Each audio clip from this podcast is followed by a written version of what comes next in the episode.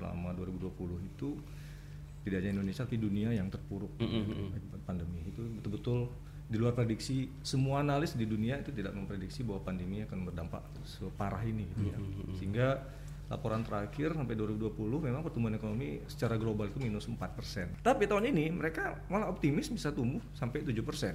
7% mas Sampai 7% mereka optimis. Rebound ekonomi itu memang diyakini tidak hanya di Singapura Malaysia yang memang minusnya hancur-hancuran tapi juga di Amerika. Mm-mm. Semuanya eh, optimis tahun ini bisa tumbuh positif gitu, termasuk Indonesia. Ketika terjadi hal seperti ini, hal spesial seperti ini ya, tahun 98, entah 2020 atau mungkin tahun-tahun tahun-tahun resesi lah, selalu ada peluang, selalu ada peluang yang bisa bisa kita lihat di situ.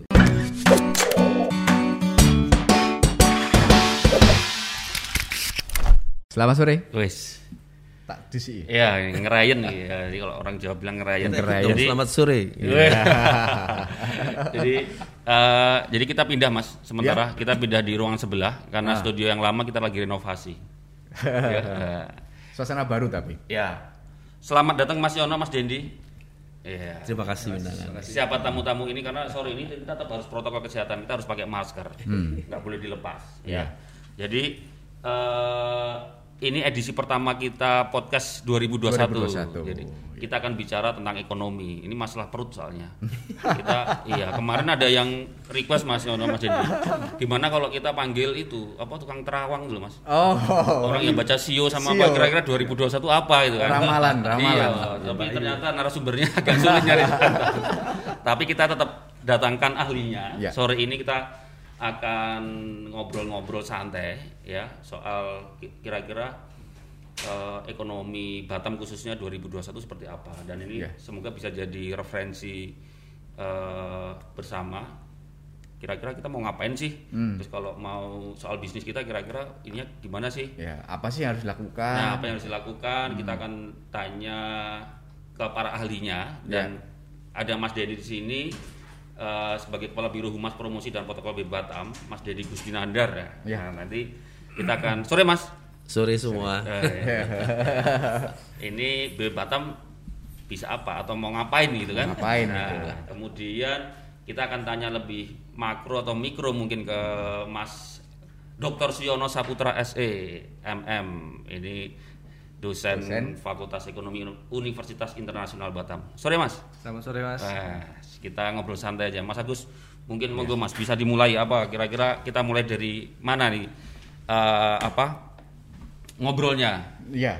Jadi eh, sebenarnya pengen tahu dari Mas Dendi dulu. Wah, duluan nih. Jadi 2020 jelas kita ekonomi udah eh, porak-poranda lah dikatakan seperti itu kan. Hancur eh, dunia juga eh, apa namanya resesi segala macamnya. Nah, kondisi Batam gimana sebenarnya? Dari kacamata BP Batam yang dari angka ya. Nah, apakah juga ambruk atau bagaimana gitu Kalau terpuruknya itu ter, se- Ter- seberapa terpuruknya seberapa Iya, iya. Ini nanti kalau angka nih Pak Dokter nanti ya. ya, Mas Agus, Mas Danang, eh, Bro Yono. Jadi sama lah kita bisa melihat Batam, Kepri, Indonesia, regional, global, seluruh dunia sama. Yang mungkin agak agak cenderung aneh kalau nggak salah Cina yang masih punya pertumbuhan. Cina ya Nah, Vietnam. Jadi Ya, sama Vietnam. ya. Jadi kalau overall ya kita bi- bilang sama lah semuanya mengalami eh, pertumbuhan yang minus, mengalami resesi dua kali triwulan bahkan lebih dari dari sekian. Namun coba kita lihat beberapa sisi-sisi baik-baik dari dari dari hal yang ya dari praktek maupun dari angka. Angka yang sama-sama kita lihat saat ini kita melihat ketika kita lihat salah satu angka yang naik adalah ekspornya. Apabila Ekspor naik, naik. Mas Batam. ekspor naik. Dibandingkan eh, dengan quarter to quarter dan bahkan kalau saya nggak salah dengan laporan yang saya baca ini de- eh, kumulatif itu kumulatif sampai dengan 2019 eh, 2020 dibanding 2019 itu masih naik. Eh, komoditi penopangnya? Yang, Ya, eh, dari dari dari penumpang penumpangnya tentu ekspornya eh, pada mesin seperti biasa ya. Tapi yang yang yang cukup menarik, cukup menarik pada saat seperti ini kita melihat ekspor naik, ekspor ke Singapura turun ya. dibandingkan tahun lalu, ekspor ke Cina turun. Ada dua hal yang eh, cukup mencolok, menarik. Ekspor ke Amerika naik 100%. ke Amerika ke 100%. Amerika 100% dan ekspor ke Dubai juga naik sekitar 30-40 persen. Namun Amerika pada posisi kedua. Sehingga apa yang mau kita, kita kita lihat ketika terjadi hal seperti ini, hal spesial seperti ini ya, tahun 98, entah 2020 atau mungkin tahun-tahun tahun-tahun resesi lah, selalu ada peluang. Ada peluang yang bisa bisa kita lihat di situ. Meskipun selama ini porsi ekspor itu kalau dari Batam ke Singapura ya padahal paling besar ya. Selalu sampai sekarang pun malah besar. Oh, tapi secara volume volume juga lebih baik mas Sampai dibanding kuartal sebelumnya. gitu. Jadi sampai saat ini ekspor ke Singapura masih di 40%. Tapi biasanya kan dominan sekali ya. Namun growth dari Amerika terlihat. Itu dari, dari dari angka. Namun Iya. kami dari BB Batam selalu melakukan pertemuan rutin dengan para uh, investor ya. Salah satunya adalah perusahaan Jepang pada saat itu dan ada juga perusahaan dari Eropa. Sama pernyataannya. Saat ini yang mereka sampaikan karena kebetulan ekspornya adalah produk-produk seperti IC, elektronik dan segala macam ya dan kesehatan. Dia bilang supply yang ada itu mereka nggak bisa memenuhi. Bisa kebayang nggak? Untuk industri tertentu supply mereka tidak bisa penuhi. Nggak bisa penuhi ya. Eh sorry, demand, Demand, sorry. demand, demand, tidak ya. bisa dia penuhi. Oh iya, demand ya, demand. Demandnya ada, supply-nya Supply-nya, itu Pak. demandnya begitu tinggi, demandnya begitu tinggi. Dan sekarang kalau mau investasi juga percuma kan? Kan kondisinya sudah sudah sudah lain posisinya kan. Artinya pengiriman mereka luar biasa, walaupun ada sisi usaha yang tidak dilanjutkan karena memang permintaannya sangat tinggi pada sisi yang lagi eh, in lah, lagi in. Ini terjadi di beberapa perusahaan.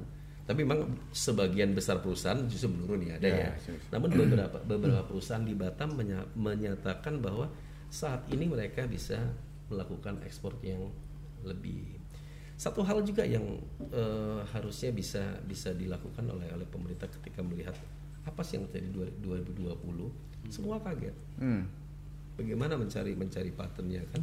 Nah, di situ dia belajar di 2021 seluruh pemerintah, seluruh instansi pemerintah kemudian belajar bagaimana di awal-awal ini kemudian spending government spendingnya dipercepat. Itu salah satu obat nanti Pak Yuno akan membahas lah itu government semua Kita, spendingnya. iya, Iya. menurutku memang memang Batam ini mungkin agak beda ya karakternya dengan daerah-daerah lain. Lain, mungkin. ya. Mungkin saya mau nanya ke Mas ke Dokter Yono nih, Mas Yono nih, Mas. Apa kalau Indef Indef pernah sampaikan bahwa apa eh, kondisi, Kondisi, atau krisis ekonomi pemulihan terkait pemulihan ekonomi 2021 mereka mereka mengatakan mereka pesi- pesimis ya. Meskipun pemerintah ya meyakini bahwa tahun ini adalah tahun pemulihan ekonomi.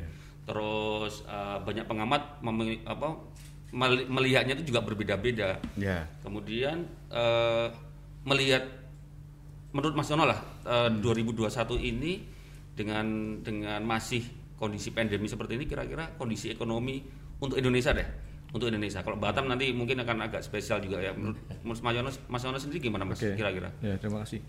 Eh, oke melanjutkan tadi sampai oleh eh, Bro Denny tadi memang benar selama 2020 itu tidak hanya Indonesia tapi dunia yang terpuruk akibat pandemi itu betul-betul di luar prediksi semua analis di dunia itu tidak memprediksi bahwa pandemi akan berdampak separah ini gitu ya. Sehingga laporan terakhir sampai 2020 memang pertumbuhan ekonomi secara global itu minus 4%. Minus Global itu Mas ya? secara global. Mm-mm. Dan tahun ini itu saya juga kaget kalau saya baca berbagai report dari IMF, dari World Bank ya, dari eh, beberapa negara rujukan kita untuk eh, apa pertumbuhan ekonomi itu semuanya optimis gitu. ya. Termasuk ekonomi global juga tahun ini itu optimis. Sampai eh, kita lihat Singapura, Malaysia. Itu mereka sampai tahun lalu itu minusnya sampai 7 persen. 7 persen. parah banget gitu. Iya. karena ya kita maklum ya karena dua negara itu Singapura Malaysia itu betul-betul totally lockdown selama 2020 mereka betul-betul siap bahwa mereka harus lockdown untuk betul-betul mengantisipasi dampak penyebaran virus. Konsekuensinya Singapura Malaysia memang minus pertumbuhannya. Tapi tahun ini mereka malah optimis bisa tumbuh sampai 7% 7 persen mas. Sampai 7% mereka optimis. Rebound ekonomi itu memang diyakini tidak hanya di Singapura Malaysia yang memang minusnya hancur-hancuran, tapi juga di Amerika.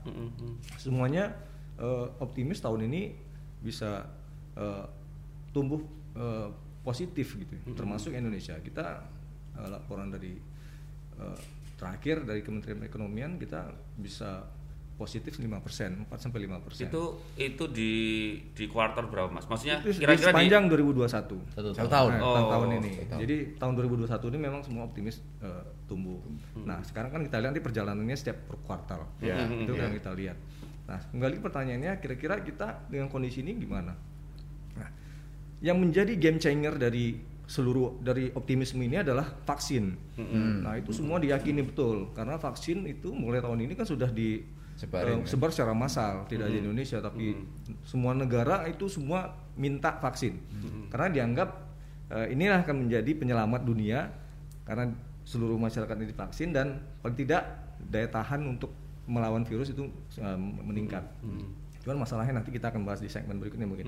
Eh, bagaimana eh, implementasi vaksinasi ini ke seluruh negara, terutama di Indonesia, bisa nggak menjangkau ratusan juta masyarakat ini dengan eh, kondisi eh, supply vaksinnya yang juga itu tidak tidak tidak lan- yang belum tentu lancar juga ya. Gitu.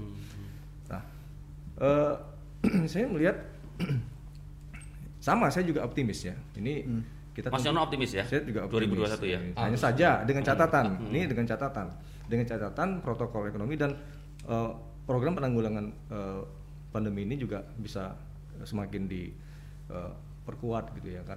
Hanya saja- Optimis syaratnya Vaksin. penyelesaian pandemi terkait apa terkait vaksin ini sukses gitu ya. harus ya harus harus sukses. Karena faktanya hari ini itu kondisi rumah sakit di terutama Jawa Bali ya itu Ya, sudah mulai kritis gitu. Malah nambah banyak kasusnya ini. kasusnya makin banyak di kota-kota besar di Jawa gitu. Walaupun memang di beberapa eh, wilayah di luar Jawa memang ya cenderung moderat lah. Kayak kita kan udah mulai Mulai melandai kita. melandai. Kita kan udah mulai ya kita dibilang eh, berhasil lah tapi kita juga jangan sampai lengah gitu nah hanya saja kalau epicentrum Indonesia di Jawa itu belum teratasi dengan baik, ya, saya khawatir ini akan berdampak ke wilayah-wilayah lain. Karena kita tidak bisa pungkiri selama ini kan Jawa memang sebagai eh, sentral, Sentral, Indonesia ya, lah. iya. Sentral. Nah, kita ingin ada perbaikan ekonomi dengan kondisi kita masih bertarung untuk mengatasi virus. Nah, ini kan sebuah eh, dua kondisi yang kontradiktif gitu ya. Kok makanya saya juga bisa memaklumi kalau Indef sampai pesimis ya karena memang penanganan eh, COVID, COVID. ini di Indonesia memang ya ya Belum optimal dianggap belum belum optimal. dianggap ya. belum optimal Iya. gitu. Walaupun saya yakin pemerintah pasti sudah upaya Meskipun seoptimal mungkin. apa Pak Menteri kemarin Menteri Kesehatannya kaget ternyata datanya ada yang nggak nggak beres selama ini Nah, gitu loh. itu- Waduh, itu kan jadi salah, salah itu? satu faktor mengapa kok seperti berantakan gitu Iya, ya. iya, iya, mulai iya. dari data yang nggak benar gitu. Tapi memang eh, ya memang bener nggak siap. Ibaratnya kan kita mau melakukan apa waktu itu kan kayak Ya kaget. kaget sekali gitu kan. Mungkin itu juga sih yang yang bikin betul memang di- sistematisnya kan belum kan? betul itu berapa kali saya waktu obrolan dengan Pak Rudi juga sampaikan tidak ada eh, buku panduan Mm-mm. selama masa Manual COVID nggak ada. kemarin itu Kearifannya pun bergerak, bergerak kan. gerak. Jadi Iya. memang tidak tidak ada satu kebijakan ini itu memang eh, bisa digunakan untuk eh, menyelesaikan ini nggak ada. Semua harus berproses. Semua betul-betul harus beradaptasi dengan kondisi di lapangan. Hmm. Jadi memang buku panduannya nggak ada. Hanya saja kita bisa belajar dengan negara lain yang Negara sudah berhasil. lain, iya. Nah, apa yang mereka lakukan? Nah itu eh, nggak ada salahnya kalau kita coba. Hanya saja Iya. tentu harus melihat kondisi internal Indonesia Internal. juga ya memang memang eh, secara geografis kan nggak sama dengan kondisi di Cina atau dengan di Vietnam, Vietnam gitu ya. beda ya. Tapi kalau untuk anu Mas, untuk Batam sendiri men- menurut Mas Yono gimana? Apakah penanganan Covid secara nasional itu juga juga berpengaruh juga dengan Batam Kak? Karena kita melihat kayak misalkan eh, apa sumber-sumber atau indikator-indikator ekonomi kan Batam kan sangat tergantung dengan global Iya. daripada nasional ya kalau nggak salah ya mau dikoreksi itu gitu kan ya kecuali di situ ada ada stimulan dari kebijakan-kebijakan dari eh, pusat. Nah, menurut Mas Yono sendiri kalau Batam gimana? Ya, tadinya kita sih eh, prediksi kita dengan Singapura Malaysia lockdown itu kita sempat goyang gitu. ya. Tapi Hmm, ternyata hmm. eh, industri di sini kan ternyata saya eh, mungkin tadi sampaikan oleh Bro Dendi mungkin mereka mencari pasaran lain gitu yang masih mungkin permintaannya lebih bagus dan ternyata terbukti ekspor juga eh, tidak tidak jelek-jelek amat gitu ya tumbuh Es- investasi juga nggak jelek-jelek amat gitu.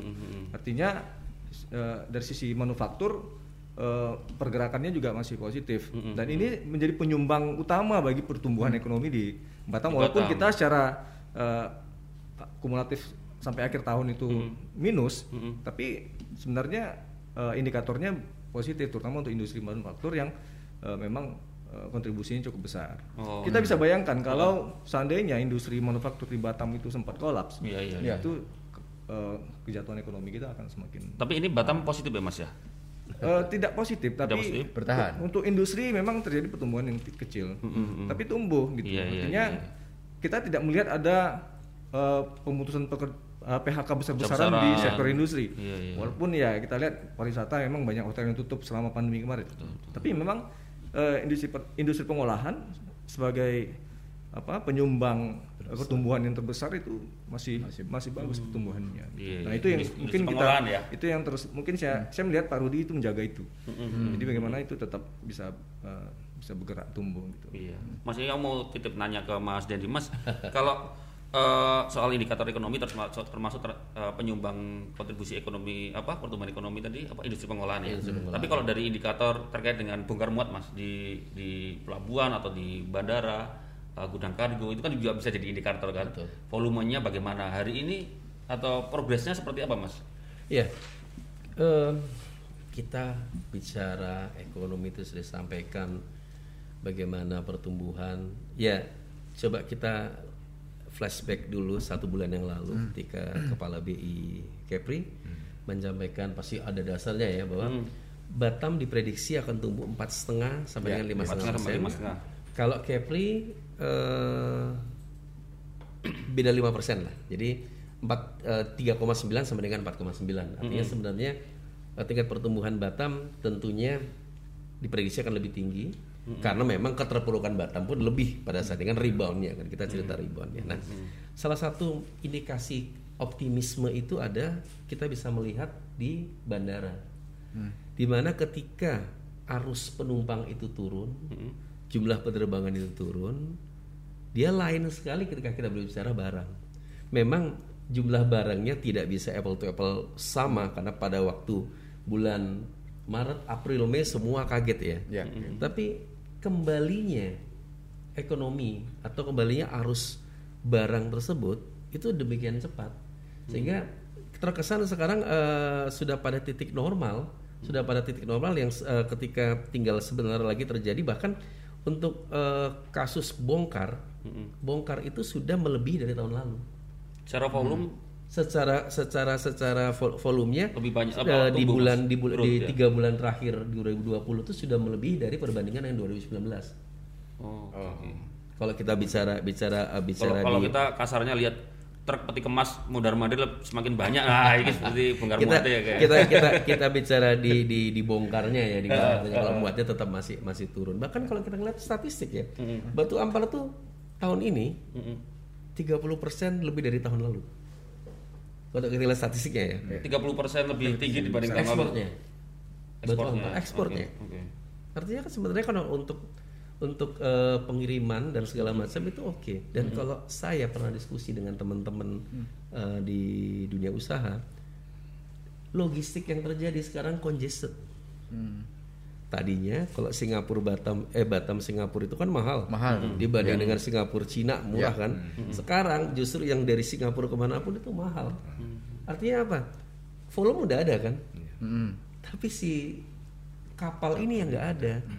Kalau kita bilang seperti itu apa? Kondisi industrinya sudah kembali, mulai kembali ya, mulai kembali berproduksi. Yang nggak siap adalah logistiknya. Logistiknya. Jadi sekarang kita di Batam betul-betul tidak semahal kalau dari Singapura ke Cina atau ke mana pun, karena sekarang mahal pun dibeli. Karena nggak ada barangnya. Iya, iya, iya.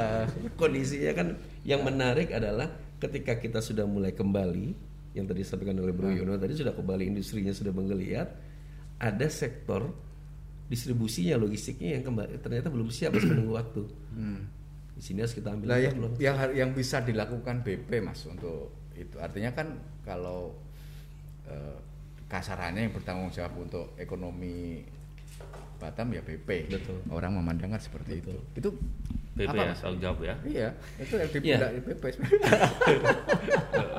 benar benar Gimana, Mas?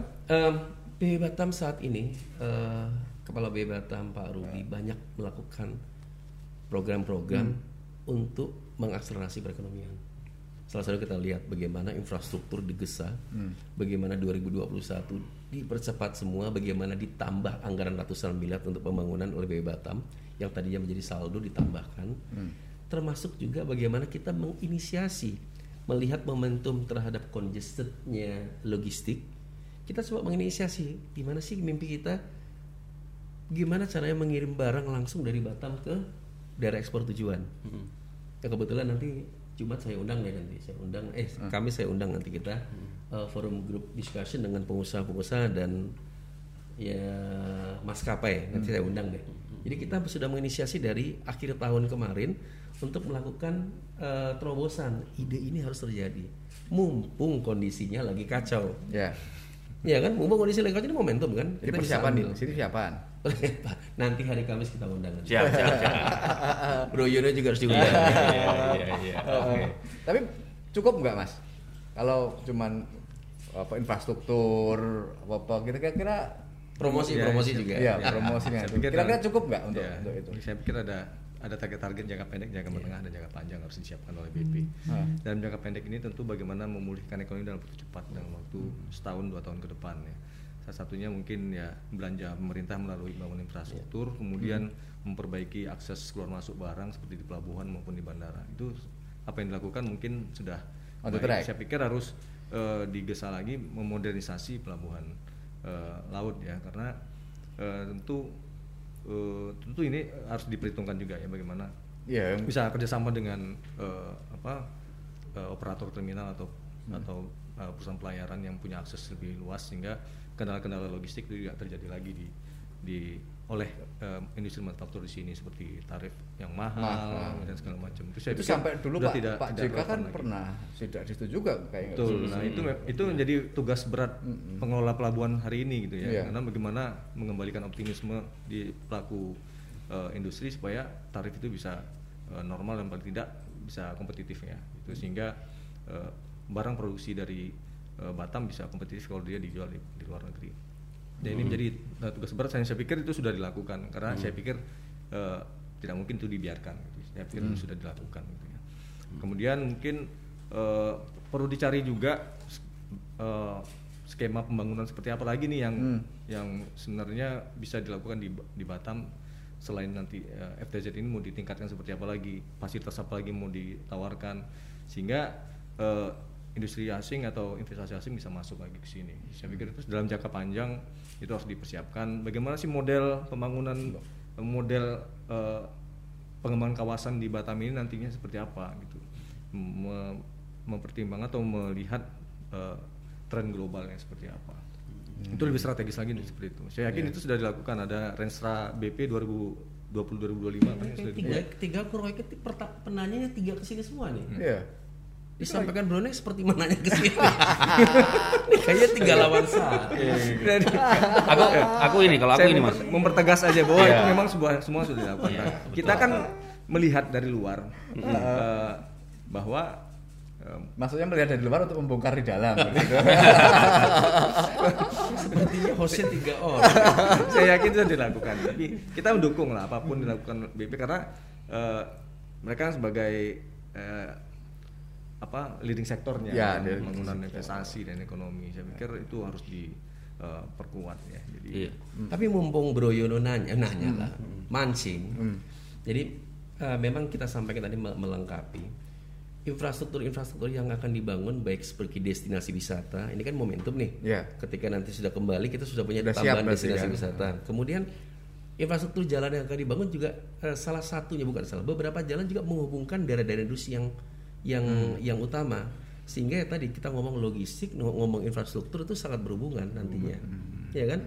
Seperti di bandara. Kalau kita bisa perhatikan bandara itu sudah dibangun 8 hektar apron untuk terminal gudangnya terminal kargo yang baru.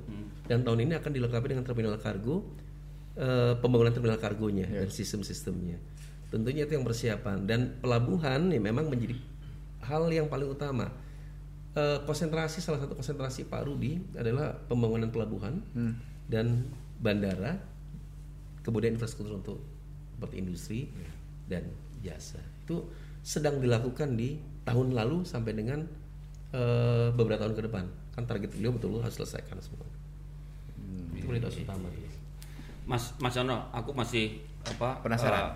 eh, eh, penasaran. Pengen memastikan aja aku biar lebih konkret kan aku minta Mas Jono nyebut angka lah. Kira-kira kalau apa melihat progresnya pemulihan ekonomi dengan dengan memulai dengan menyelesaikan masalah pandemi ini menurut Mas Jono untuk Batam itu kira-kira pertumbuhan ekonomi untuk Batam ya itu 2021 berapa Mas? Eh, Kira-kira proyeksinya berapa? Optimisnya itu 4 5 persen, 4 sampai 5 persen. 4 sampai 5 persen ya? Sudah cukup.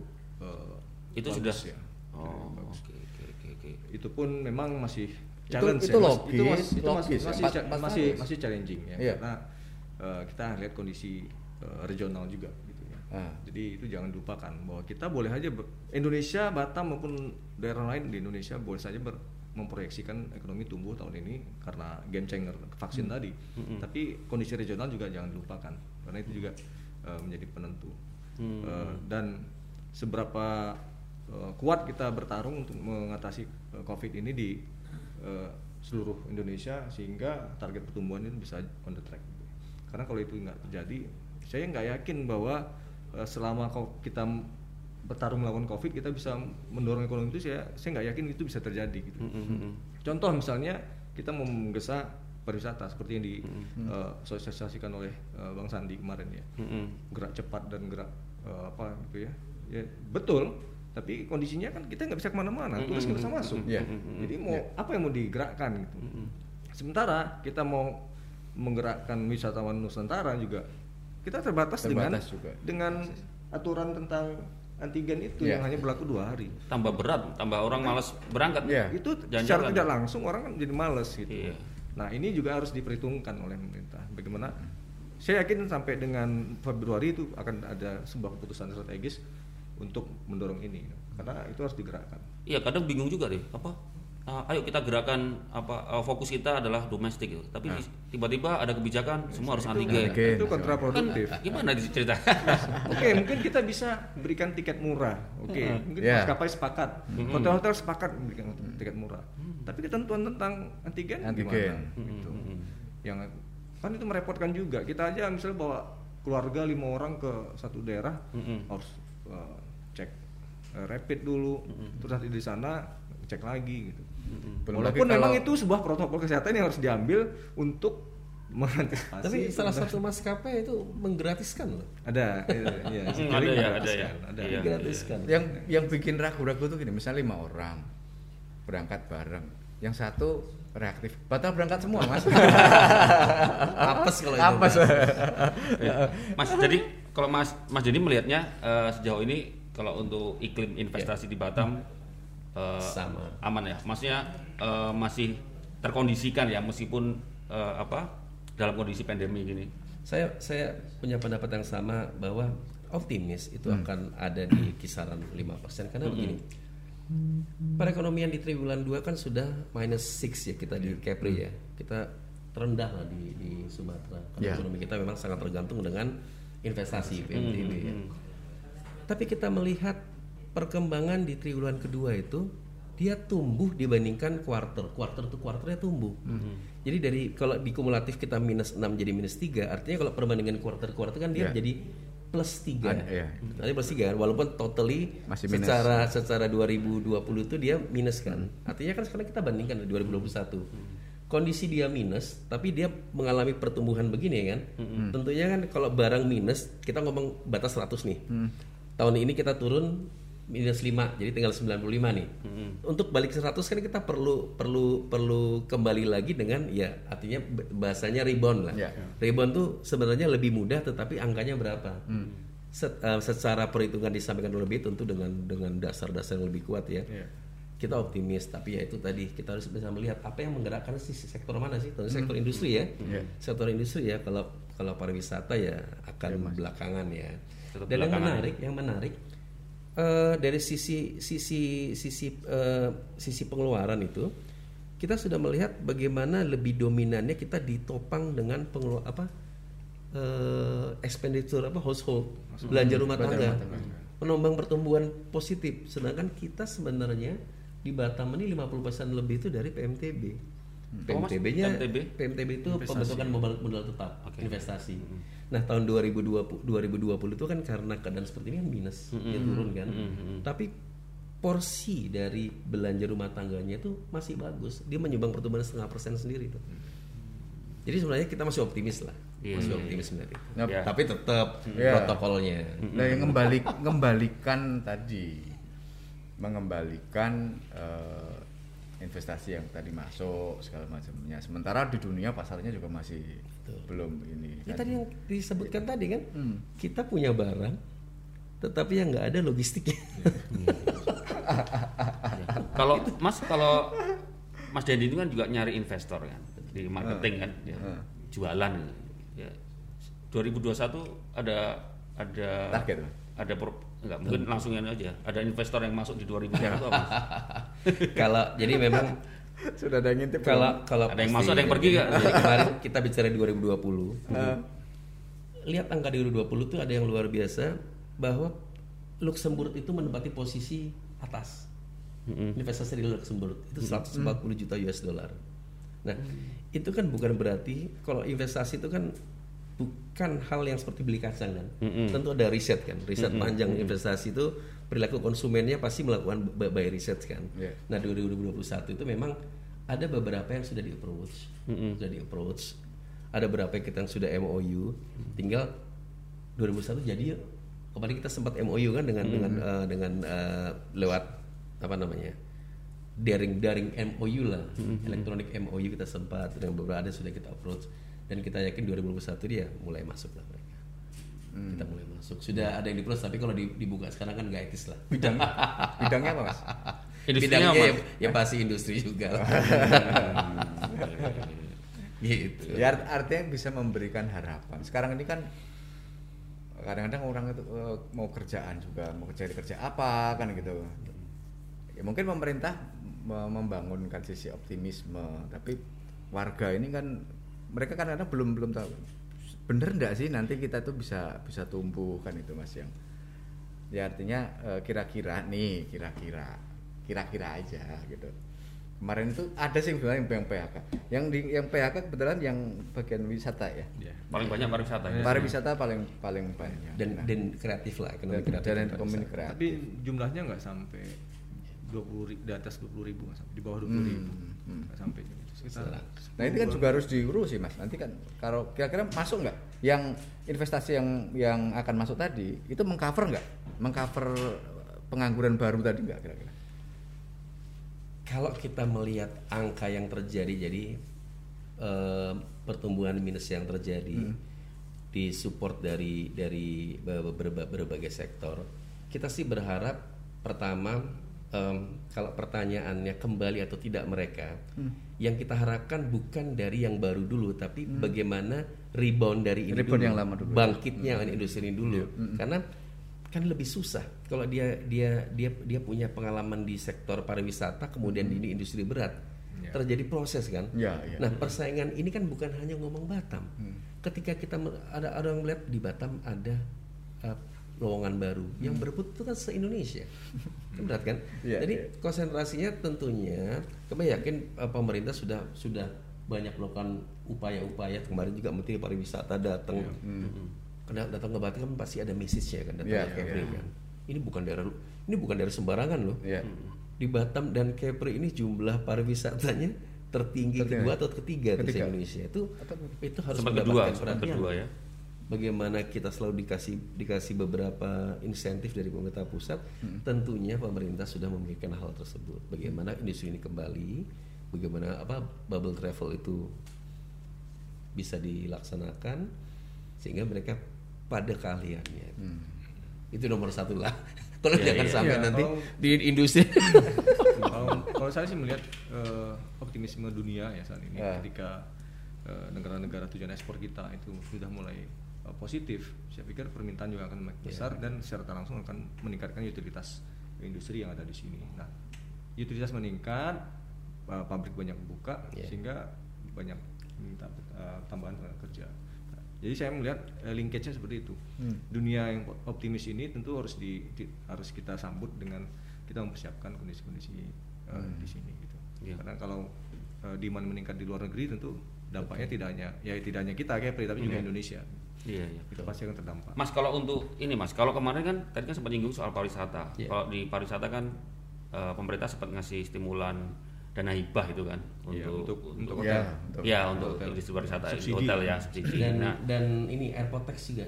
Hmm, subsidi airport tax. Sampai Iya. dengan Desember kemarin kan ada program dinolkan, dibayar oleh pemerintah. Subsidi. saya kita mungkin belum update ya. Maksudnya sejauh ini kalau untuk badan usaha, untuk pelaku usaha itu eh, stimulan apa dari pemerintah yang sudah diberikan atau mungkin kalau misalnya belum menurut Mas Sono pemerintah mestinya ngasih, ngasih stimulan apa lagi? lagi nih di kondisi Ini- seperti ini? Ini pertanyaannya menarik nih. Saya saya ingat satu uh, survei yang dibuat oleh BPS ya beberapa bulan lalu di 2020 ketika masa pandemi. Mereka mensurvei uh, industri besar kecil, besar menengah kecil. gitu. Mm-mm. Apa sih yang diharapkan oleh pemerintah selama masa pandemi? gitu. Ternyata ya, pertama yang mereka harapkan adalah relaksasi bunga pinjaman. Mm-mm. Kemudian ada subsidi eh, dari pemerintah berupa mungkin pembebasan eh, retribusi atau apa gitu. ya. Eh, jadi saya melihat sebenarnya ini kembali ke pemerintah gitu. Jadi seperti misalnya pa- pajak daerah yang dipungut untuk sektor pariwisata gitu ya.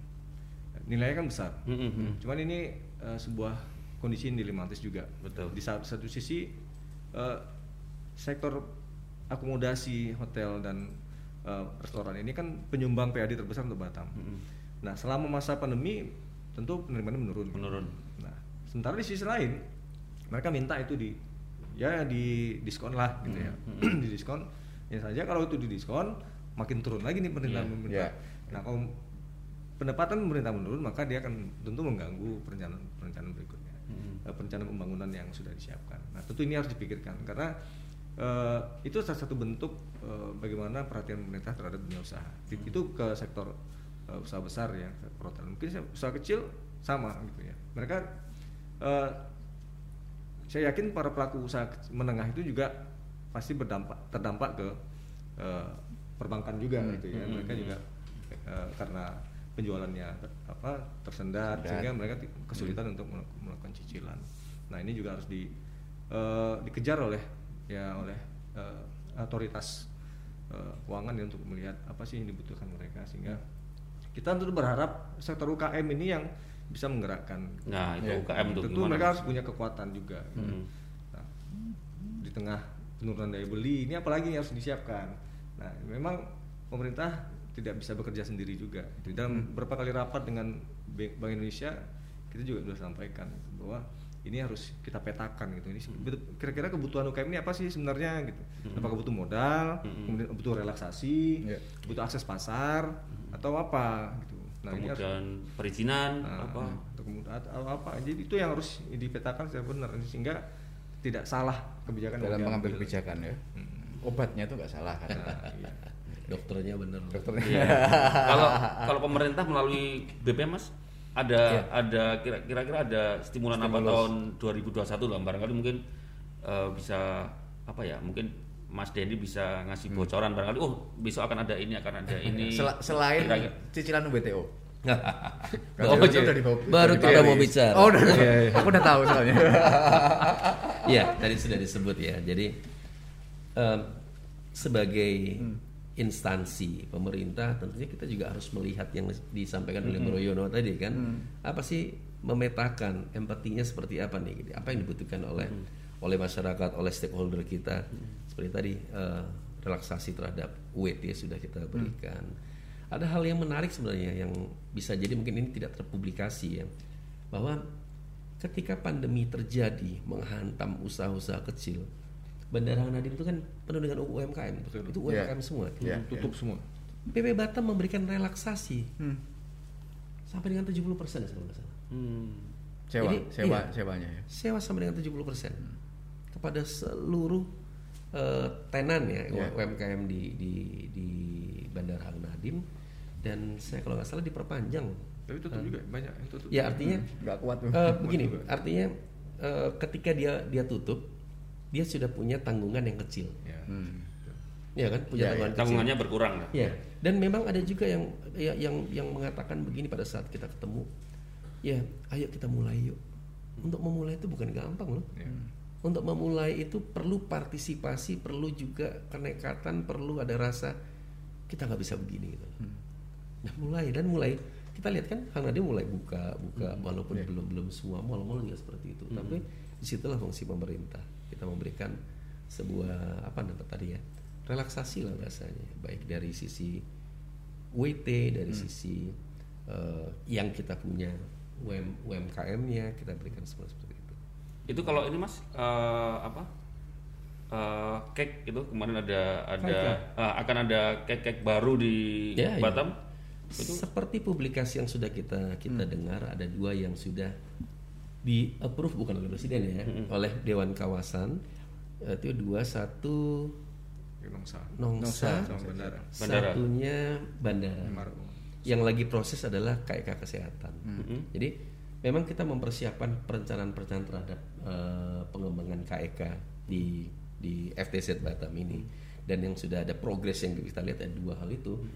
Pak San, eh, Pak Sandi juga kemarin ke Nongsa ya, Nongsa dan Bandara kita lihat bagaimana industri kreatif itu menjadi prioritas saat-saat ini dan bandara yang juga siap untuk menjadi menjadi eh, KIK MRO juga dikunjungi dan sedang berbenah. Hari ini hari ini masih ada ada satu proses presentasi dari bagian dari proses kerjasama pemerintah dan badan usaha. Jadi kan kita kemarin KPPU bandara tuh ada dua konsorsium yang masuk. Jadi hari-hari ini ada proses presentasi dari salah satu peserta. Artinya kalau ini berjalan lancar kita doain lancar tahun ini sudah uh, ada investor yang akan mengelola, uh, masuk dan mengelola investor dan pengelola yang masuk untuk mengelola bandara Hang Nadim Bandara. ya tentunya dengan datangnya investor datangnya investasi bisa merubah bandara ini menjadi lebih baik seperti harapan-harapan Oke oke oke. Optimis lah. harus Iya. Tapi ini agak agak politik sedikit. Saya nanya ke Mas Yono, Mas ini kan kita habis habis pilkada kemarin.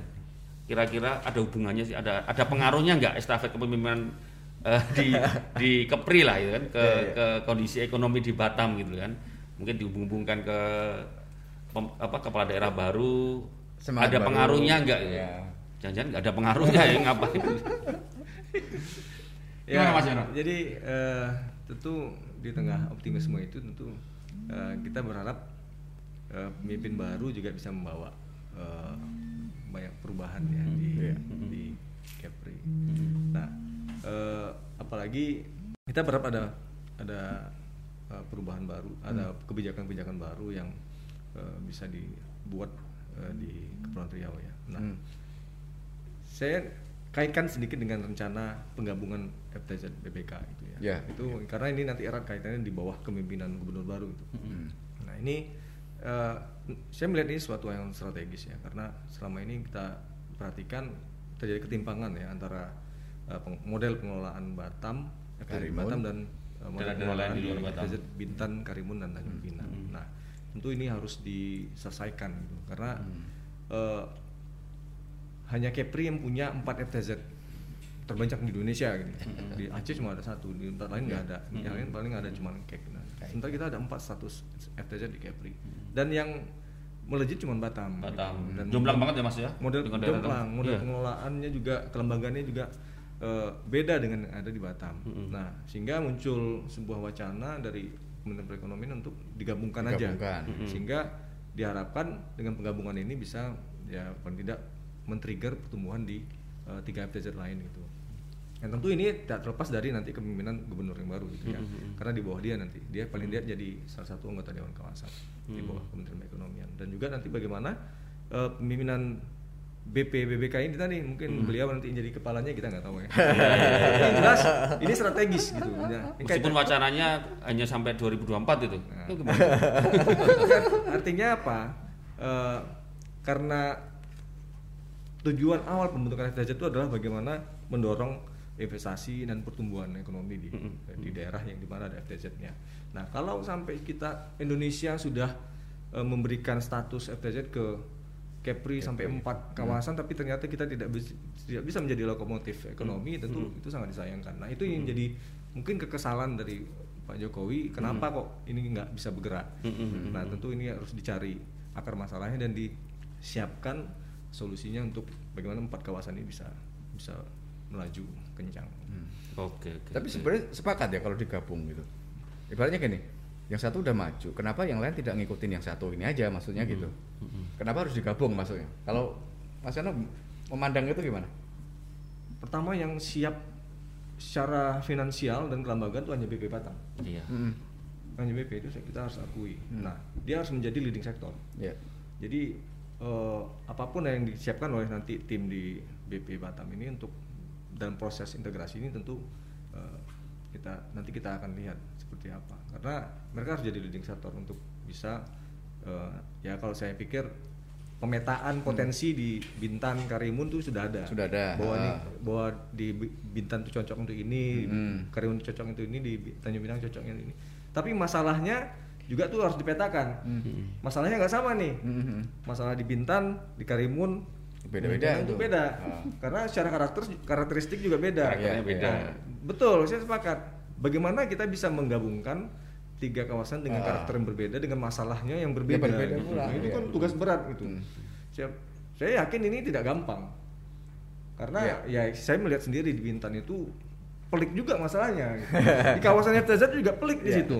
Jadi kalaupun di, digabung, pun Iya. ya tentu butuh waktu juga untuk Iya. membereskan masalah di sana. Karimun juga sama. Jangan-jangan menularkan masalah, jangan katanya kan gitu. Nah, itu, tentu kita tidak berharap begitu. Iya. Kita tentu ya ini saya- pikir kita sepakat bahwa kita eh, ingin kita berangkat dengan suasana yang optimis termasuk Nah. dengan apa pun kebijakan kita tentu optimis Hmm. ini akan memberikan eh, apa stimulus ataupun eh, dampaknya terhadap pertumbuhan Kepri pada umumnya. Oke. Tapi saya ingin minta eh, apa statement terakhir lah dari Mas Dendi Mas. Jadi eh, sesuai judul lah, kok ekonomi Batam dua, dua- apa ekonomi 2021. Jadi Batam, Batam bisa bisa apa? Jadi mungkin mewakili institusi B Batam ya. Kira-kira apa Mas? Optimis? Harus sangat op- bagaimana? sangat optimis Atau- kembali kita ke merimen dari ya, eh, beberapa yang sudah kita sampaikan. Batam akan lebih baik. Pertama s- kepala BI sudah menyampaikan tentu dengan kajian ya bahwa pertumbuhan Batam akan berkisar pada empat setengah sampai dengan lima setengah persen. Kita berharap mentok dong lima setengah persen ya indikasinya apa? Tadi kita sudah berbicara baga- bagaimana produksi untuk ekspor produk kan di Batam ini di sangat eh, bergantung kepada dunia industrinya ya. Produksi kemudian sudah eh, memperlihatkan tren positif. Pertumbuhan ekonomi quarter to quarter sudah tumbuh juga tiga persenan. Waktu totally mungkin belum ya. Kemudian eh, kita juga melihat bagaimana peran kepala BE Batam yang sekaligus wali, wali, wali kota Batam membuat satu langkah gebrakan di awal untuk pembangunan infrastruktur-infrastruktur baik infrastruktur yang sifatnya uh, pada infrastruktur jalan atau bandara dan pelabuhan, laut ditambah dengan uh, beberapa uh, destinasi wisata. Nah, hal tersebut tentunya membuat kita berpendapat tidak ada alasan melihat tren ekspor yang naik, artinya produksi kembali naik, melihat juga momentum yang bisa kita ambil. Di sini lagi ada conges- eh, congested di beberapa hal logistik, kita bergerak, kita eh, gelontorkan yang namanya belanja pemerintah, kita juga memberikan kita juga memberikan perhatian kepada sektor-sektor seperti UMKM dan perekonomian. Kita yakin ini akan lebih baik di tahun 2021. Keadaan juga kita lihat bagaimana game changernya vaksin semoga ini berjalan lancar. Karena kalau ini lancar, tentunya kita bisa dapat poin yang maksimumnya ya. Kalau ini masih bermasalah ya kita ada di kisaran empat setengah sekian lah. Kalau ini kita berharap ini lancar semuanya bisa lima setengah persen. Oke. lima setengah persen. Dan kita terbang take off lagi kan? Alhamdulillah. Oke, amin. masih di lima setengah persen. Mas Yono gimana Mas? Dari dengan syarat-syaratnya, jadi optimis tapi dengan syarat-syaratnya tadi. Batam harus Batam bisa apa nih Mas 2021? Batam bisa eh, memanfaatkan momentum eh, optimisme ini ya untuk eh, bisa menggerakkan semua sektor. Jadi kita tadi sudah disebutkan bahwa industri saya yakin akan tetap tumbuh tahun ini. Sektor pariwisata pelan-pelan juga akan tumbuh dengan ada kebijakan untuk staycation atau ada peluang untuk melakukan bubble travel. Sehingga kita berharap uh, secara perlahan indus- industri pariwisata bisa bergerak lagi. Sektor UKM saya yakin juga akan terus menggeliat ya, apalagi era digitalisasi dan komersi apa e-commerce saya pikir itu bisa membantu uh, memperkuat UKM-UKM untuk uh, bisa memanfaatkan peluang di uh, masa pandemi. Jadi saya yakin ini semua kita tentu tidak ingin berdiam berdiam terlalu lama setelah kita terpuruk 2020 tahun ini semua sektor saya yakin semua akan bergerak. Saya yakin Bergerak semua sektor, Mas, akan ya? bergerak, gitu. Amin, Saya amin. yakin. Mm-mm. Semua bergerak ya pasti akan berdampak positif buat Tapi yang, ekonomi buat yang lebih penting adalah masyarakatnya tetap harus menjaga protokol Oh kesehatan. iya. Itu, itu yang Itu lebih kewajiban. penting. Itu kewajibannya. Jadi jangan jangan ngandalin vaksinasi jangan ada vaksin karena Ah. ada ada beberapa kasus yang dari vaksin kena positif lagi. Mm, mm, Artinya peran masyarakat itu harus eh, tentu sangat sangat diperlukan untuk menjaga itu. Iya. Kalau kita muter-muter, saya terlalu sering muter-muter. Nah. Batam itu salah satu yang terbaik loh dalam protokol masker. kesehatan. Oh. iya iya. Dibanding daerah-daerah lain, Batam itu mungkin saya bilang one of the best lah Oh, di Indonesia. Oke. Ya, mungkin bisa kita sedikit kita sedikit kita rangkum ya intinya tadi dari Mas Sono sampaikan juga bahwa Hmm. syaratnya kalau krisis ekonomi atau pemulihan ekonomi ke depan ya syaratnya memang eh, soal vaksinasi, proses penyelesaian pandemi ini harus selesai gitu kan. Jadi eh, syaratnya itu dulu dan Batam bisa menggerakkan apa, harusnya semua sektor bisa bergerak. Ya. Eh, Mas Dendi pun juga optimis, Mas Sono optimis dan kita semuanya tetap optimis, tetap bergerak, jaga protokol kesehatan ya Mas. Hmm. Ya, ya tetap Apalagi jaga protokol kesehatan. Mm-mm. Terus jaga kekompakan yang pasti. Wes. Tetap optimis. Tetap optimis. Iya iya iya. Makasih banyak Mas Ya, makasih. Mas Dedi. Makasih, Mas. Kapan-kapan kita ngobrol dengan topik yang lebih spesifik lagi, lebih beda lagi Ya. ya.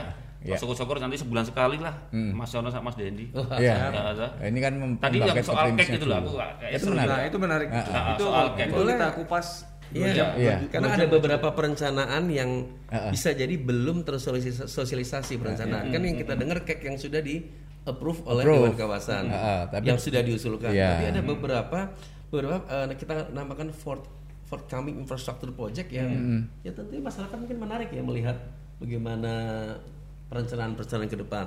Iya. Kalau kita orang awam misalnya, ini Batam ngusulin cake kesehatan. Apa sih untungnya buat Satu kita? lagi harus Ah, diingat.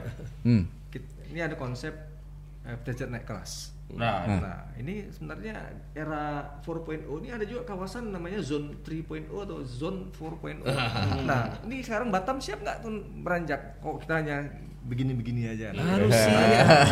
Ini menarik nih. betul, betul. Perlu Kesehatan. di-mention itu dan nanti kita ingatkan terus Mas, pemerintah. menarik. Tapi Kesehatan itu nanti, ini nanti bahas, nanti dibahas juga. pancingannya pancingan kesehatan apa-apa. gini loh kes- kesehatan itu sekarang orang-orang Indonesia yang punya duit Heeh. berobatnya ke mana. Malaysia. dan Singapura. Singapura. Heeh. kenapa alasannya adalah alasannya Ya. karena dokternya abad karena begini karena begitu karena begini kan Hmm. Coba sekarang kita pindahkan itu menjadi ke Batam di KEK Batam. Yang semua obstacle yang tadi dibilang harus begini harus begini harus begini, harus begini kita pindahkan ini kelebihan ini kita pindahkan ke Batam. Oke? Nah kalau kita pindahkan ke Batam dalam satu jurnal yang kita baca eh, nilai nilainya orang berobat itu secara medis itu kalau nggak salah ya 1,7 miliar US dollar. Gede ya. gitu ya itu baru baru baru dari sisi medisnya ya. Sisi non medisnya kan banyak ya. Eh, sisi pariwisata dan segala macamnya. Kalau ini kita pindah ke Batam taruhlah. Tidak 1,7 lah. Ya. just name it lah berapa. Kebayang nggak? Hmm. semua semua kelebihannya ini diselesaikan dengan cake ke sini. Kita duplikat ini loh kelebihan kita duplikat ke di Batam atas kertas betul. Ya. Tapi Ya kan? tidak Nah, itu makanya tidak Tidak itu. Ya, Tidak ya, letterlock. Kita itu tantangan kita. yang nanti dibuat podcast lagi dong Ya. Iya iya iya. Sama yang tadi cake bintan, cake karimun itu mungkin kalau Mas Yono udah punya kajiannya. Kadang kan kita orang awam nggak tahu. Jadi ngapain dipaksakan misalkan ini bahasanya dipaksakan digabungin. Eh tapi ntar lah itu Nanti kita bongkar. nanti jadi sekarang. Nanti kita kita Iya, bongkar. penasaran deh. Eh, yang di atas kertas sama di bawah kertasnya itu yang mau dibongkar Kita bongkar. Kita kasih waktu Mas Dendi untuk bernapas dulu. Iya. Makasih juga sekali lagi Mas Yono. UIB, terima kasih Universitas Internasional Batam sudah sudah mengirimkan Mas Yono untuk sharing-sharing buat teman-teman dari Bunus. Oke. Dan tentu saja buat BB Batam. Makasih supportnya Mas. Makasih Mas Yono. Ya. Siap. Oke, sampai ketemu Oke, teman. terima kasih. Terima kasih. Thank you.